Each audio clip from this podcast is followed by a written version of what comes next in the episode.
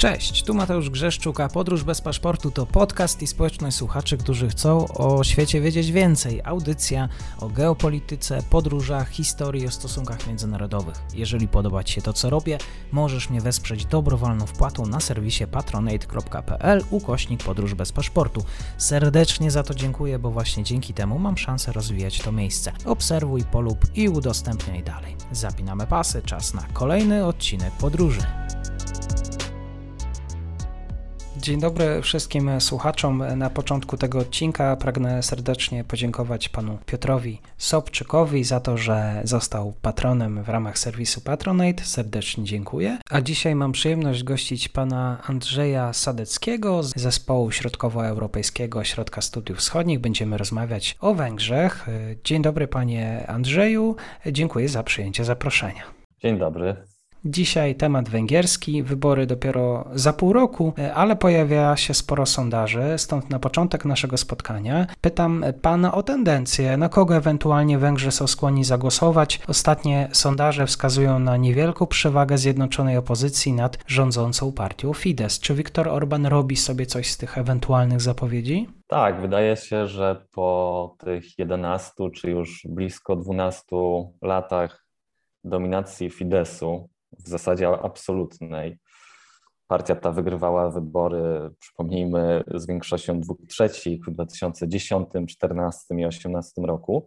I po tych 11-12 latach rzeczywiście wydaje się, że będziemy mieć do czynienia z wyborami, które będą znacznie bardziej wyrównane. Ten sojusz opozycyjny faktycznie ma obecnie minimalną przewagę, natomiast no, trzeba pamiętać, że to tylko sondaż, y, po pierwsze, a po drugie, Fidesz ma ciągle w ręku szereg przewag nad y, opozycją. Natomiast, y, no właśnie, będą to prawdopodobnie najbardziej wyrównane wybory od 12 lat. A jak to się stało, że szereg partii, które nie były w stanie współpracować, poszło taką drogą zjednoczenia? No tak, to jest coś, o czym mówiła opozycja od lat, tak naprawdę. I, I pierwsze takie próby współpracy opozycji były wcześniej, natomiast to była współpraca tylko tych partii no bardziej liberalnych, lewicowych.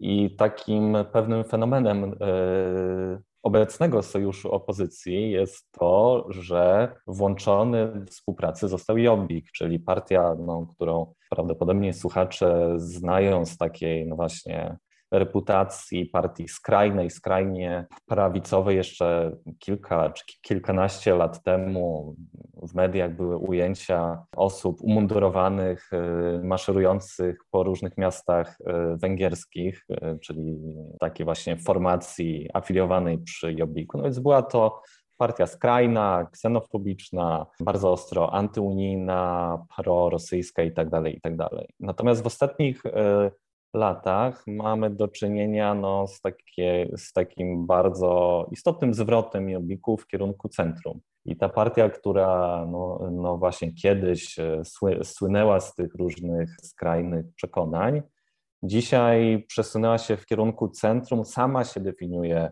jako partia centroprawicowa, czy partia ludowa, czy wręcz partia chadecka, tak, chrześcijańsko-demokratyczna. Najbardziej radykalni działacze tej partii zostali usunięci albo sami odeszli. Zresztą stworzyli ci najbardziej radykalni działacze takie niewielkie ugrupowanie pod nazwą Nasza Ojczyzna, no, które cieszy się jakimś znikomym poparciem. Natomiast właśnie Jobbik, no też w pewnym sensie wypychany został z tych pozycji bardziej prawicowych przez Fidesz, który zarówno w kwestiach migracji czy kwestiach właśnie krytyki instytucji unijnych odbierał te hasła wcześniej formułowane przez przez Jobbik. Oczywiście y, z perspektywy, no właśnie, z perspektywy i lewicy, i Jobbiku ta decyzja o współpracy była trudna, no bo są to środowiska, które w zasadzie od lat się zwalczały. Tak? Jobbik w zasadzie powstał w latach dwutysięcznych no, na fali protestów wobec ówczesnej władzy lewicowej. Natomiast y, to, że opozycja, żadna z tych partii nie była w stanie przebić się i zagrozić Fidesowi, czy nawet podjąć w pewnym sensie rywalizację z Fidesem, to skłaniało te partie, no, że bez, do, do takiego wniosku, że bez współpracy w zasadzie Fides jest nie do pokonania. To się wiąże też z obowiązującą na Węgrzech ordynacją wyborczą e, wprowadzoną przez Fidesz w 2011 roku, która dosyć mocno premiuje zwycięzcę wyborów, duże partie generalnie i bez, no właśnie, współpracy na różnych polach, opozycja no, tak naprawdę nie ma szans, e, czy te różne rozdrobnione partie opozycji nie mają szans e, w rywalizacji z e, Fidesem Viktora Orbana. A może Fidesz e, jest nie do pokonania, bo rzeczywiście są regiony e, na Węgrzech, w których żyje się lepiej. Pewnie regiony, które są zadowolone z obecnej polityki Orbana, to są ci, którzy rzeczywiście żyją poza stolicą tego kraju. Tak, oczywiście. Ja bym powiedział przede wszystkim o dwóch rzeczach. Jedna rzecz to właśnie to, o czym Pan wspomniał, czyli okres względnego dobrobytu, który przyniosły rządy Orbana. Przypomnijmy, że Orban objął władzę niedługo po tym, jak Węgry bardzo dotkliwie przechodziły ten międzynarodowy kryzys gospodarczy z lat 2008-2009. Tak naprawdę to kryzys gospodarczy ostatecznie pogrążył władzę lewicy i no właśnie wyniósł do władzy Orbana. I te ostatnie lata to jest okres zmniejszającego się bezrobocia, względnego dobrobytu. On oczywiście Węgrzy zawsze porównują się do Austrii i, i, i chcieli, żeby było lepiej, ale, ale generalnie w porównaniu zwłaszcza do tych trudnych czasów u schyłku lat 2000, to jednak ten okres władzy Orbana to jest perspektywy epoka prosperity, zwłaszcza w pewnych obszarach. Może warto wspomnieć o tym, że Rządy Orbana są szczególnie korzystne dla klasy średniej, a zwłaszcza dla rodzin wielodzietnych, bo zarówno ze względu na podatek liniowy, dochodowy, a też różne ulgi i podatkowe i różne inne dodatki dla rodzin wielodzietnych. A druga kwestia, która przyczynia się do tej popularności Fidesu niesłabnącej,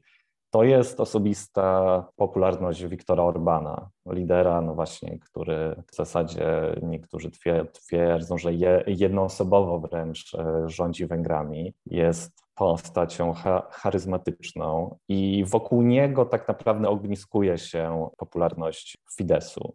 I oczywiście do tych dwóch kwestii trzeba dodać też te różne przewagi Orbana i Fidesu, czyli no właśnie dominacja w mediach, czy korzystanie z zasobów państwa, y, promocji tak, interesów partii i tak dalej. Natomiast no, te dwie główne kwestie warto wyróżnić. Chciałbym teraz zapytać o echa kongresu. Z tego co orientuję się, to był 29. kongres e, partii Fidesz e, w listopadzie. Sam e, szef kancelarii Wiktoria Orbana porównał ten sojusz opozycji do paktu Ribbentrop-Mołotow.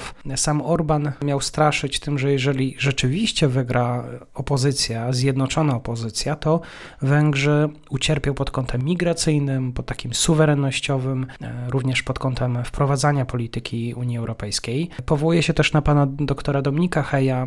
Tutaj e, Viktor Orban miał chwalić się tymi obniżkami cen energii, odkupywaniem od Rosjan tych strategicznych e, spółek, e, przyznaniem nowych obywatelstw. Wiem, że ta polityka Węgier poza granicami kraju też jest bardzo ważna. Stąd pytanie, z jakimi hasłami i sloganami Viktor Orban chce wygrać te wybory, na jakich nutach gra obecny premier i czym chce przekonać do siebie też nowych wyborców. Ja bym powiedział, że tak. Po pierwsze, są to kwestie gospodarcze, czy no właśnie propagowaniem tych osiągnięć e, gospodarczych z ostatniej dekady, ale też szereg, no właśnie, czy jednorazowych e, transferów socjalnych, czy ulg i tak. Zapowiedziano innymi to dodatkowe świadczenia emerytalne jednorazowo wypłacane emerytom, czy no właśnie ulgi dla studentów, czy podwyżki w strefie budżetowej. I to jest ta sfera, czy no właśnie wspomniane obniżki cen energii, czy na przykład najnowsza kwestia wprowadzenie limitu cen benzyny. Węgry od 15 listopada rząd narzucił stacjom benzynowym ograniczenie. Maksymalna cena benzyny i oleju napędowego ma wynosić, jeśli dobrze pamiętam, 480 forintów, czyli to jest około 6 zł. I należy się spodziewać do wyborów, które odbędą się prawdopodobnie w kwietniu albo w maju, następnych tego typu działań. A druga kwestia to jest bardziej no, w sferze tej propagandowe, jakby stawianie na w, w gruncie rzeczy te same hasła, które były obecne przez, ostatnie, przez ostatnią dekadę, czyli no właśnie hasła obrony suwerenności Węgier. Dużo Viktor Orban mówi o tym, sporze między Węgrami a instytucjami unijnymi, które zwykle y, nazywa określeniem Brukseli, tak, właśnie walki z Brukselą, którą wpisuje w takie szersze historyczne ramy. Są różne analogie z historią Węgier, czy rewolucjami węgierskimi tłumionymi z zewnątrz i tak dalej, więc ja bym powiedział, że jeden z sekretów sukcesu Orbana jest wpisanie tych dzisiejszych sporów politycznych w jakieś, no, no właśnie, szersze historyczne ramy. Wciąż kwestia migracji, na hasłach migracyjnych w zasadzie, czy antyimigracyjnych. E, Viktor Orban wygrał wybory w 2018 roku i te hasła wciąż są obecne, imigracja jako właśnie zagrożenie, co zresztą wytyka mu opozycja, że z jednej strony właśnie jest płot na granicy z Serbią i Chorwacją i jest twarde stanowisko antyimigracyjne, z drugiej strony przyjeżdżają na Węgry imigranci ekonomiczni, tak? No więc tutaj opozycja próbuje wykorzystywać tą, tą niekonsekwencję, natomiast te hasła migracyjne wciąż są, są istotne w przekazie Fidesu. No i ostatnią rzeczą, która tak się wybija, to jest dyskredytowanie opozycji przypominanie tego okresu rządów lewicy przed 2010 rokiem. Akurat ostatnio mieliśmy 15-lecie zamieszek, które wtedy wybuchły w Budapeszcie w 2006 roku po ujawnieniu nagrań z posiedzenia partii, węgierskiej partii socjalistycznej, których ówczesny premier Ferenc Dziurczań mówił różne rzeczy, używając też sporo nieparlamentarnych określeń, które no właśnie wzburzyły Węgrów i potem doszło do zamieszek w Budapeszcie, które, których y, rannych zostało kilkuset protestujących i, kilkuset policjantów. I dzisiaj na przykład do kin na Węgrzech wchodzi film o tych wydarzeniach y, sponsorowany przez rząd, które właśnie mają przy, przypomnieć, tak, że tutaj o, jeśli opozycja wróci do władzy, to zarówno wrócą te trudne czasy gospodarcze, a także no właśnie skompromitowani politycy. A jeżeli chodzi o samą opozycję, to czy ona ma jakiś inny pomysł na Węgry? Bo sporo mówi się tu oczywiście o zarzutach o korupcję, że Orban zbudował sobie taki prywatny folwark. Tak, no, y, opozycja ogłosiła takie minimum y, programowe i oczywiście głównym celem, który łączy opozycję, no jest zmiana władzy. Tak? I te różne partie i prawicowe i lewicowe zjednoczyły się w tym celu. Natomiast jest kilka postulatów, które, które są wspólne.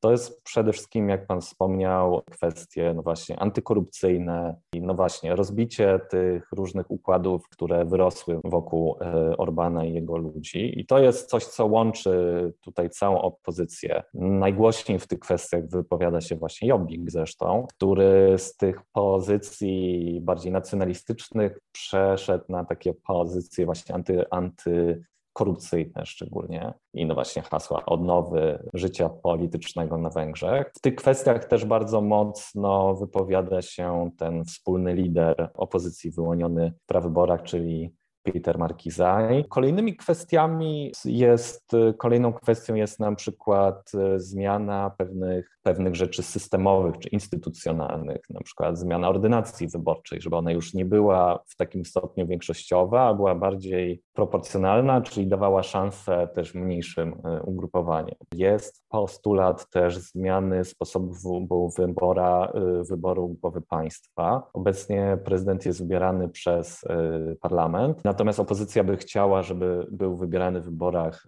bezpośrednich. Jeśli chodzi o kwestie gospodarcze, to tu na pewno wybijają się postulaty takie ekologiczne, zielone, wzmocnienie tak, transformacji ekologicznej i generalnie postulat polityki w większym stopniu redystrybucyjnej, czyli w większym stopniu wsparcia dla obszarów, no właśnie, na, obszarów, na których zamieszkują ludzie mniej zamożni, zwłaszcza to są wschodnie Węgry, więc to są takie główne postulaty, natomiast opozycja wciąż e, jakby wypracowuje ten wspólny program, z którym na wiosnę będzie iść do wyborów.